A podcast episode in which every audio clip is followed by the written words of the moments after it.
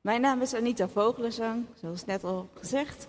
Ik ben hier medewerker van Nieuwe Vormen van Kerk zijn. Nou, zoals ook al gezegd, is vandaag de zomervakantie in regio Zuid officieel ten einde gekomen. En ik hoop dat jullie allemaal een fijne tijd hebben gehad. Of jullie nou ver weg zijn gereisd of dicht bij huis zijn gebleven. Nou, mijn man en ik waren deze zomervakantie samen op reis. Wij houden ervan om via Airbnb te boeken, omdat je dan het idee hebt dat je een local bent op een onbekende plek. Zo kwamen wij in het midden van de Italiaanse gegoede burgerij terecht op een klein resort aan het Como-meer. Het was mooi om ons even daaronder te dompelen in het Italiaanse leven. En op een avond dronken we wijn op het terras met Alfonso, een geslaagde zakenman die me vertelde dat hij lid was van Opus Dei. Natuurlijk heb ik ook de Da Vinci Code gezien en gelezen, dus die naam deed bij mij wel een belletje rinkelen. Misschien herinner jij je ook nog wel die albino monnik in de Da Vinci Code die zichzelf kastijdde. Hij was lid van de secte binnen de Rooms-Katholieke Kerk genaamd Opus Dei. Deze secte heeft in het boek van Dan Brown de structuur en de cultuur van de vrijmetselarij. Alfonso vertelde die avond aan het Komenmeer een heel ander verhaal. Hij vertelde hoe Opus Dei zijn visie op zijn werk beïnvloedde. Hij herhaalde steeds het zinnetje to sanctify your job. Het heilige van je dagelijks werk. Dat zinnetje zette mij aan het denken over hoe we in deze maatschappij tegen ons werk aankijken. Ik heb, voordat ik dit verhaal vertel, natuurlijk wel even gegoogeld naar Opus Dei. En het is inderdaad het doel van deze beweging binnen de kerk om het bewustzijn onder mensen te bevorderen dat zij tot heiligheid geroepen zijn. Het spoort hen aan in overeenstemming met het geloof te leven en aan de evangelisatie van de maatschappij bij te dragen.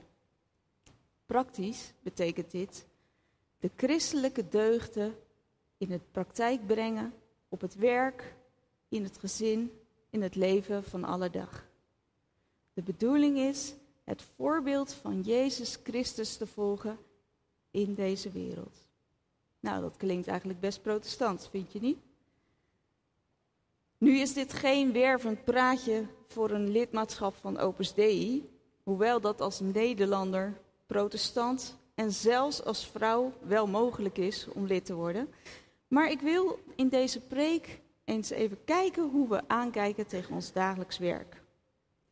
Deze preek volgt in een reeks het belang van het woord, het belang van bemoediging en vorige week het belang van het gebed.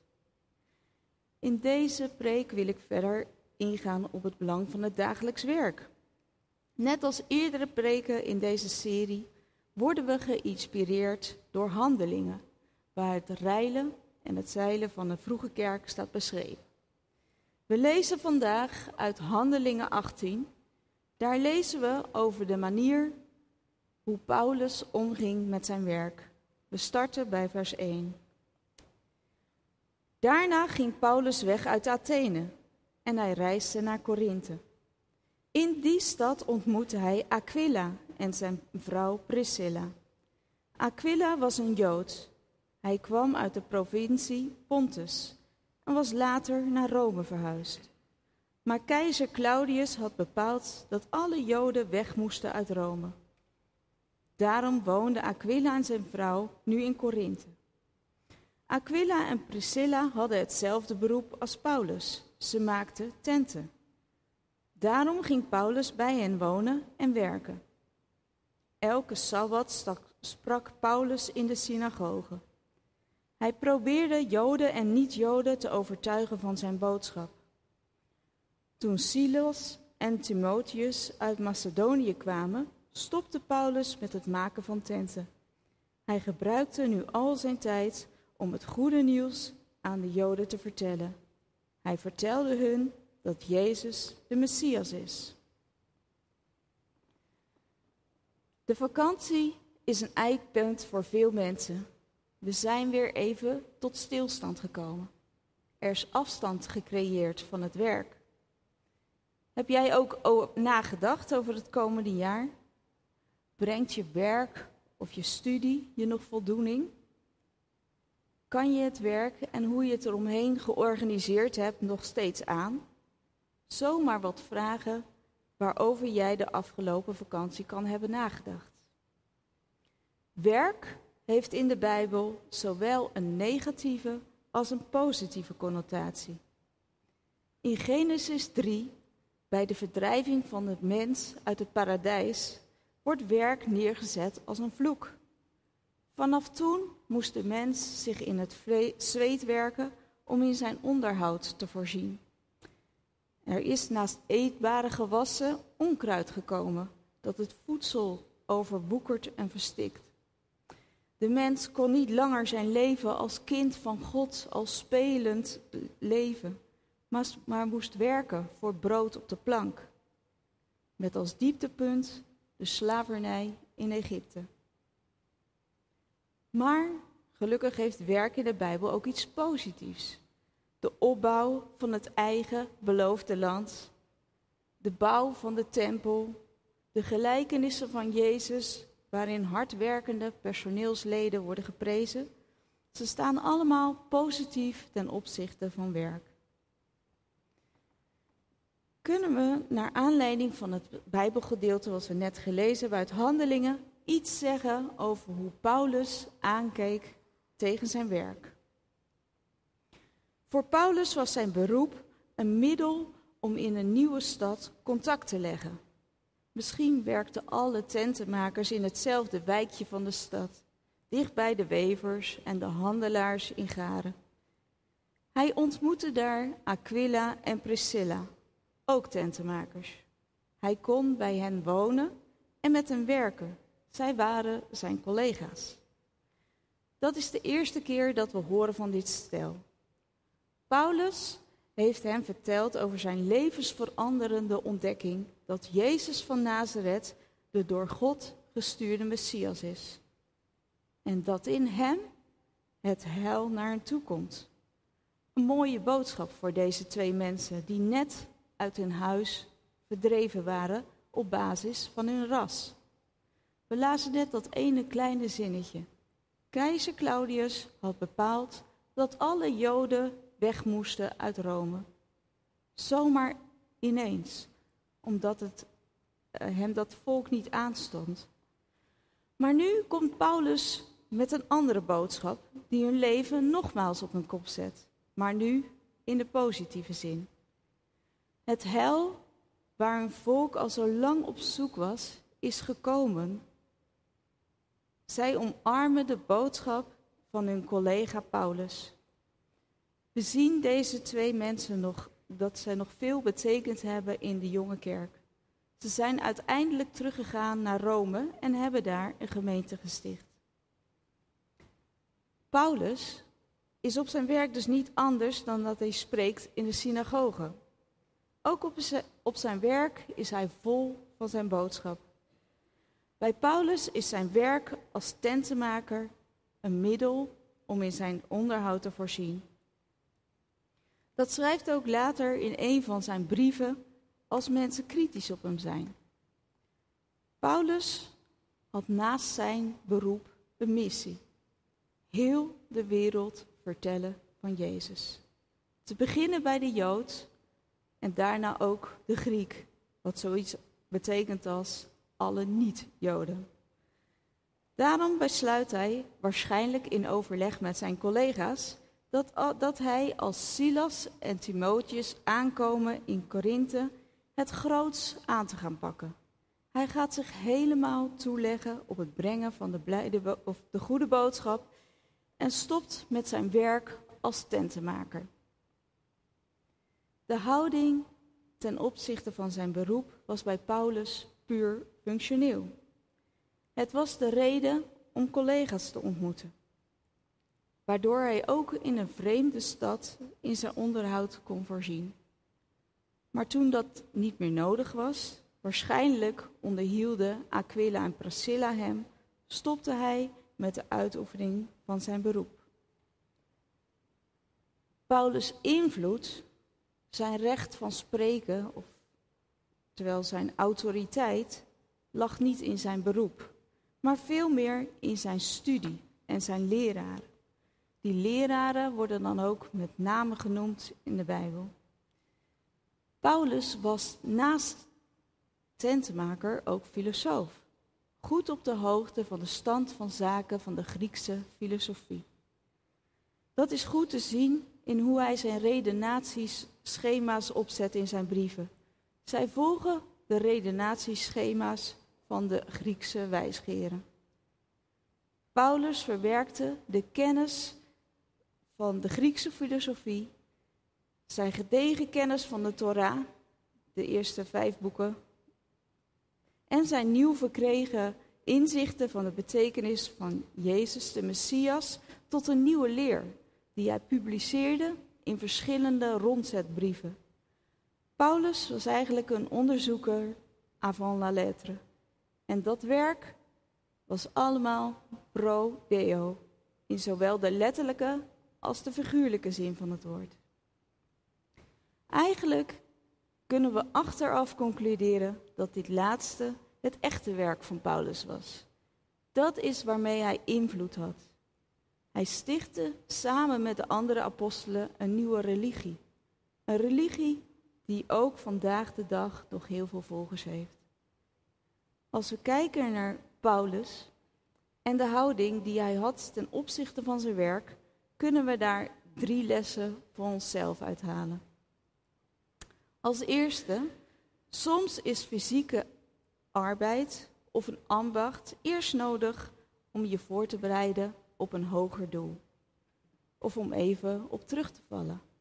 Denk aan David, die jaren schaapherder was. Aan de discipelen, die hun beroep als visser steeds weer oppakten.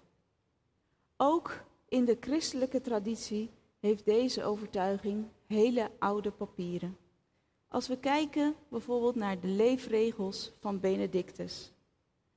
Benedictus was een kloosterling en de leider van het klooster in Nursia in het Italiaanse Umbrië.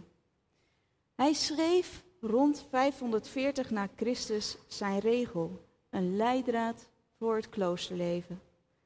Ook vandaag de dag worden zijn inzichten nog veel gedeeld.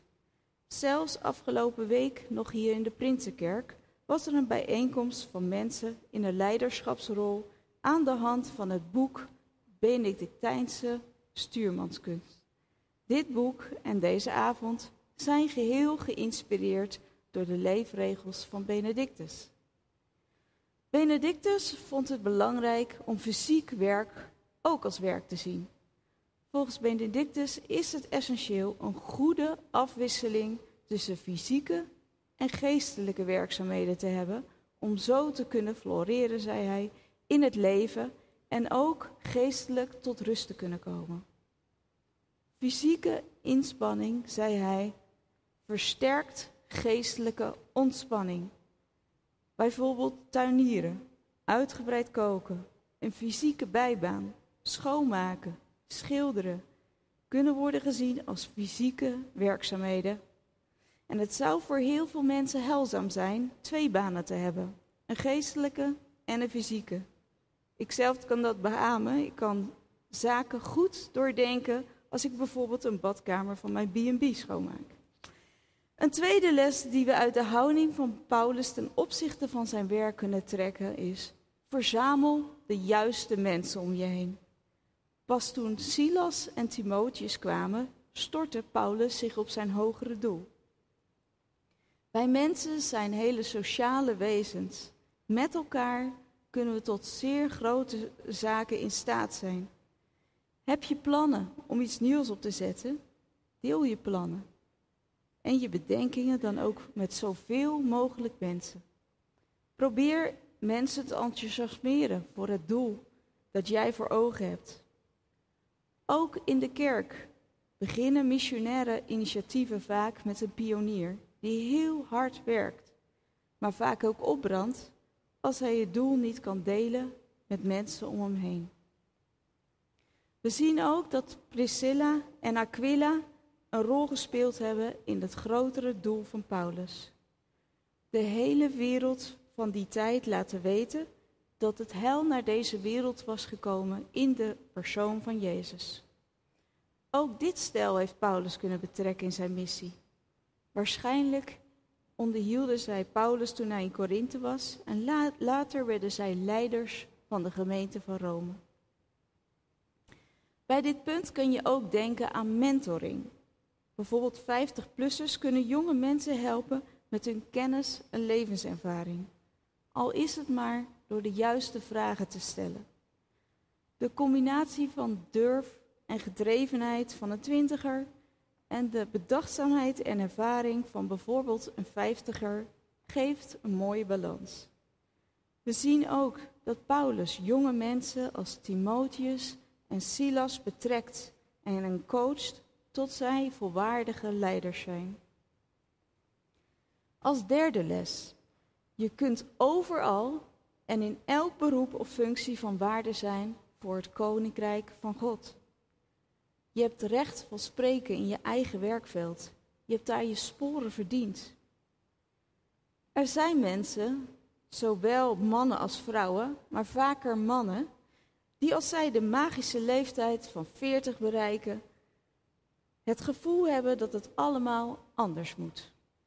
Hun carrière is niet waar ze van droomden toen ze nog jong waren, of ze voelden zich niet betekenisvol, omdat ze bijvoorbeeld in de financiële wereld, de advocatuur of in de ICT zitten. Ze hebben het gevoel dat hun werk er eigenlijk niet toe doet. Dat is een heel heftig proces waar deze mensen in zitten. Vaak is hun uitgavenpatroon gewend aan de inkomsten en kan er niet zomaar uitgestapt worden. Dit geeft een grote worsteling. Als je hier middenin zit, of gezien de gemiddelde leeftijd hier nog voor zit, kan ik je één ding verklappen. De meeste mensen blijven na zo'n proces doen wat ze deden, maar veranderen de arbeidsomstandigheden, waardoor het werk weer beter bij hen past. Een enkeling gooit het radicaal over een andere boeg en gaat theologie studeren of wordt directeur van een goede doelenstichting. Die laatste worden in de kerk vaak gezien als de helden. Maar is dat waar? Werk verschaft je een ingang in een wereld die je als dominee of als directeur van een goed doel nooit zal betreden. Zij hebben geen invloed in de boardroom van Shell of op een faculteit van een universiteit of de afdeling van een ICT-bedrijf. Een jaar of twintig geleden kwam ik een man tegen die in de kerk het mannenwerk had opgezet. Dat liep zo succesvol dat hij besloot zijn andere baan te stoppen en vol voor het mannenwerk te gaan. Totdat hij er na een tijdje achterkwam dat hij zonder die baan geen recht meer van spreken had in deze nieuwe omgeving. Het mannenwerk was betekenisvol voor deze mannen omdat hij in eerste instantie onderdeel was van dezelfde werkwereld. Toen hij zichzelf daarbuiten had geplaatst, was zijn relevantie en autoriteit geslonken en kwam hij nieuwe deelnemers van voor zijn mannenwerk niet meer tegen tijdens zijn dagelijks werk. We hebben dus geleerd uit de houding van Paulus ten opzichte van werk dat het heel gezond is om fysieke arbeid af te wisselen met geestelijke arbeid. Als tweede zagen we dat het heel belangrijk is om goede mensen om je heen te verzamelen. En als laatste zagen we dat je dagelijks werk je toegang geeft tot mensen, gelegenheden en beleid waartoe je anders geen toegang zou hebben. Nu zeg je misschien, ja, dat is heel mooi. Maar hoe kan het leven van een man die 2000 jaar geleden leefde en werkte, nu iets zeggen over het werk, over mijn werk anno 2023? Leven we niet in een compleet andere tijd? Het klopt dat we niet allemaal tentenmakers hoeven te worden. Maar de manier waarop wij tegenwoordig met werk omgaan, heeft ook iets ongezonds. Dan is het goed ons te verhouden tot anderen, zoals Paulus en de Benedictijnen, om deze houding eens tegen het licht te houden. Het aantal burn-outs is nog nooit zo hoog geweest. De scheiding tussen werk en privé nog nooit zo dun of zelfs vaag. Fysiek werk was nog nooit zo'n klein onderdeel van ons leven. Al dat werk is ver geautomatiseerd of uitbesteed. Zo klein is het fysieke werk geworden dat we naar de sportschool moeten om überhaupt gezond te blijven. En de arbeidsethos van het Calvinisme zit nog in onze cultuur ingebakken. Hard werken, niet klagen, verantwoordelijkheid nemen. Maar de tegenhanger die in het Calvinisme zit, het rusten in genade van God, is uitgesleten. Al met al zijn deze zaken een toxic voedingsbodem voor een gelukkig en betekenisvol leven. Nog even terug naar het begin. De zin die mij triggerde. To sanctify your job. Als het ware je werk doen voor God. Maar hoe doe je dan je werk voor God? Waar moet je dan aan denken? God schiep de wereld en zag dat het goed was. Goed is goed genoeg, zeg ik altijd tegen mijn kinderen, die een neiging hebben naar het streven naar perfectie. Perfectie en werkdruk zorgen voor stress, het belangrijkste ingrediënt voor een burn-out. Dus geef wat je kunt en heb hart voor de zaak. Als tweede, wees een beïnvloeder. Schep een open, geïnteresseerde sfeer waarin iedereen tot bloei kan komen. Natuurlijk heeft de een hier meer talenten voor dan de ander. Is dit niet je talent? Begin dan klein, bij één collega. Echte interesse is iets zeldzaams aan het worden in deze vluchtige wereld. Het kan niet anders dat er mensen zijn in jouw omgeving, ook onder jouw collega's, die zich eenzaam voelen. Niet gezien of gehoord, leeg, alleen vechtend tegen van alles en nog wat. Nee, je hoeft niet alles op te lossen. Een luisterend oor is genoeg. Als derde, durf verantwoording te nemen. Wat invloed betreft, kan je steeds meer invloed hebben naarmate je meer te zeggen hebt. Op een afdeling, in het management van een bedrijf of in de ondernemersraad. Kijk wat bij je past. Wees ook ten alle tijden bereid om je geloof te verantwoorden. Je kan op een afdeling werken met vooral het type NRC-lezer. Mensen die even heel gechargeerd openstaan voor een andere mening. Ook erg geïnteresseerd zijn in wat jij van bepaalde zaken vindt. Maar je kan ook op de universiteit werken in een voornamelijk atheïstisch wereldje dan kan jij met je christelijke overtuiging totaal irrelevant en passé gevonden worden. Blijf dicht bij jezelf. Los geen grote vraagstukken op, bijvoorbeeld over het bestaan van het kwaad in de wereld, maar vertel wat het geloof in God jou brengt. Waarom je ondanks de moeilijke vragen die er zijn, toch blijft geloven dat God het goede met jou en de wereld voor ogen heeft. En als laatste wees een voorbeeld, maar niet schijnheilig.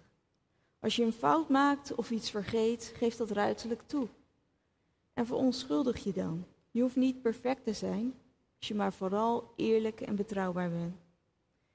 Deze inzichten zitten allemaal aan de dadenkant, vooral.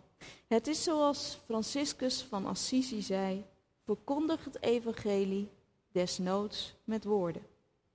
Het zit dus veel meer in jouw houding, waardoor je Jezus naar de mensen brengt, dan dat je over Jezus vertelt in woorden. Maar soms komt er een gelegenheid, dan moet je wel woorden gebruiken, omdat er simpelweg om gevraagd wordt, of omdat je voelt dat je nu iets moet zeggen. Wat is dan heilzaam, goed nieuws voor jouw omgeving? Als we naar Paulus kijken, was hij enthousiast omdat hij zag dat Gods verhaal met mensen uitmondde in die ene persoon, Jezus. Hij plaatste de wet en de profeten in een nieuw perspectief. Terwijl de Joden zo leden onder de onderdrukking van een vijand en vooral bezig dat aardse koninkrijk te kunnen herstellen, voltrok er onder hun ogen een nieuw koninkrijk, het koninkrijk van de hemel, waar geen farao of keizer enige invloed op had. Het maakte het menselijk leven ineens zoveel waard. Niet alleen de ziel, maar zelfs het lichaam werd onsterfelijk door het opstandingslichaam die de mensen zouden krijgen. Jezus was daarin de eerste. Doordat Paulus het opstandingslichaam van Jezus zag, vielen voor hem alle puzzelstukjes op zijn plaats. Dit goede nieuws sloeg ook bij veel tijdgenoten van Paulus in als een bom. Maar als we naar de kerkgeschiedenis kijken, zien we dat in elke tijd, elke situatie, een ander facet van het evangelie daadwerkelijk goed nieuws is voor de hoorder. Daar is fijngevoeligheid en kennis voor nodig. Kennis van de cultuur en kennis van Gods woord. Voor de een zal bijvoorbeeld volledige vergeving het goede nieuws zijn. Voor de ander het horen bij God. Voor nog een ander de rust en vrede die Jezus belooft. En voor nog een ander de acceptatie van zichzelf als een geliefd schepsel. En misschien zelfs wel voor iemand het beste antwoord op een diepe doordenking, een filosofische doordenking. Het evangelie brengen met woorden is dus best moeilijk.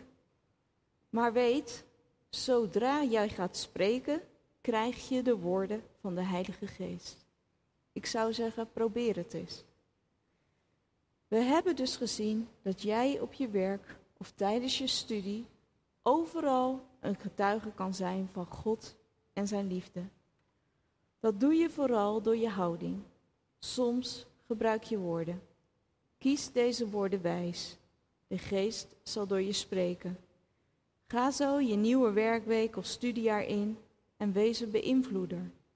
Ga met God. Amen.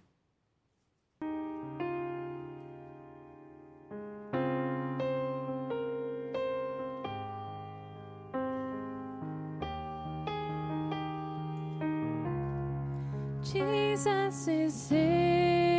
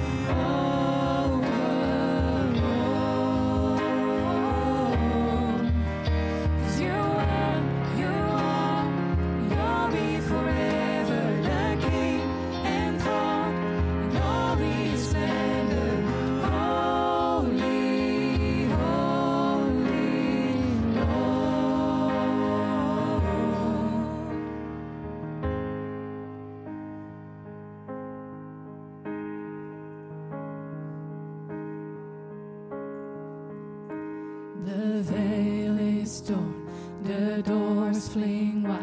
I see glory I run inside the throne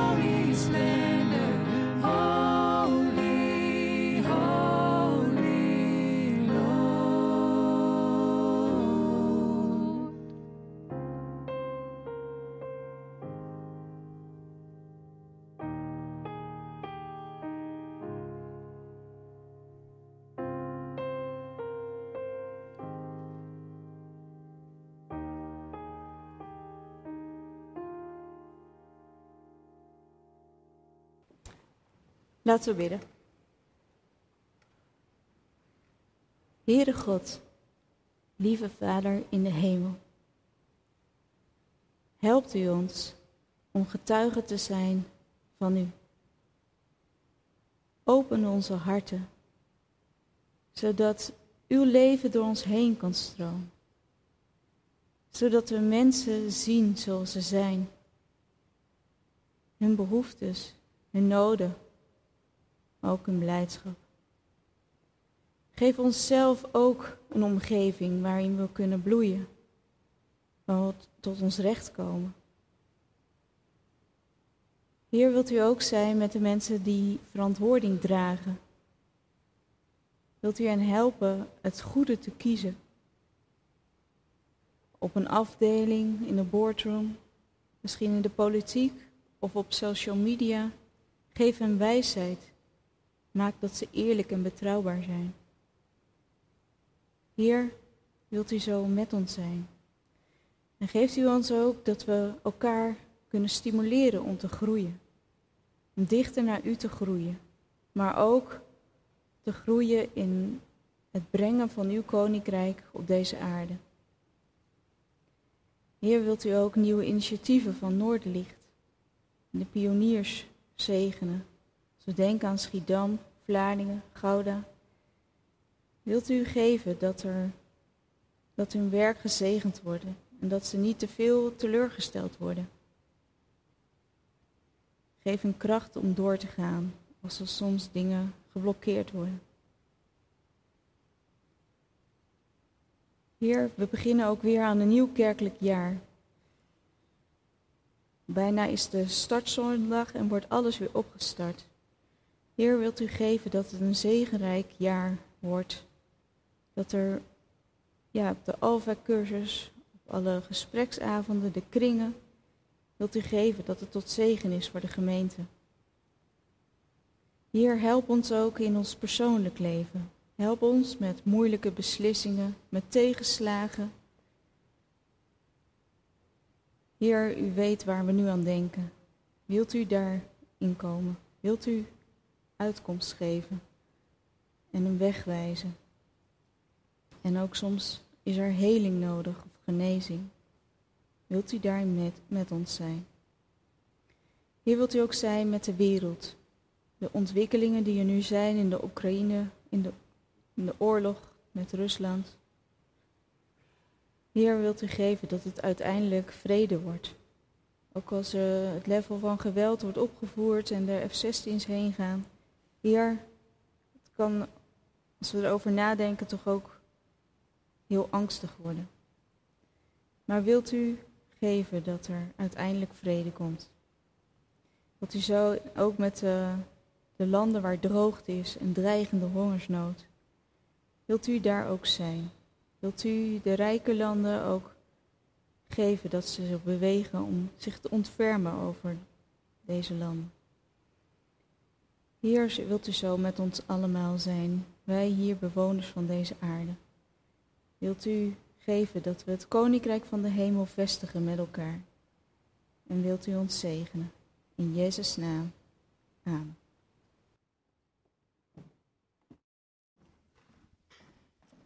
We zullen nog eh, twee nummers met elkaar zingen en daarbij mag u gaan staan.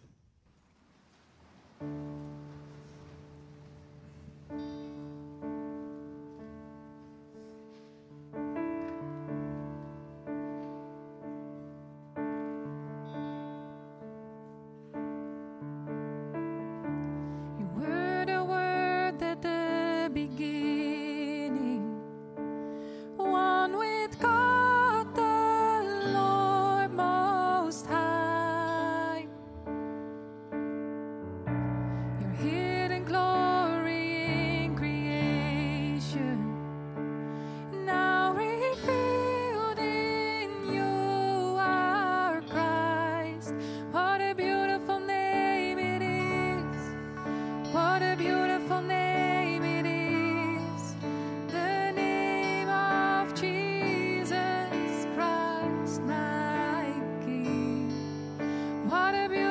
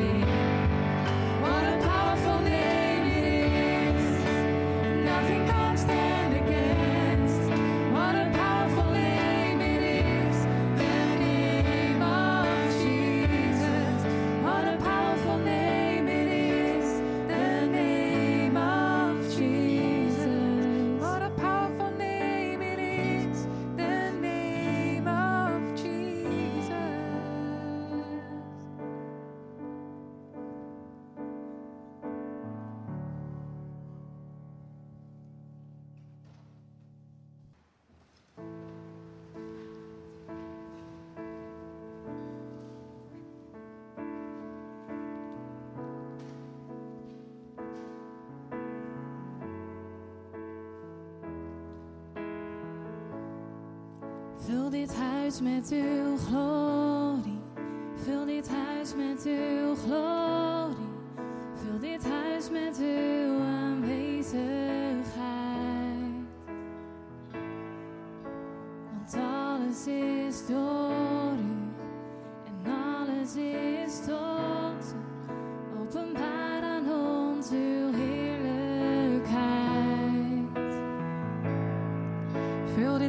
met uw glorie.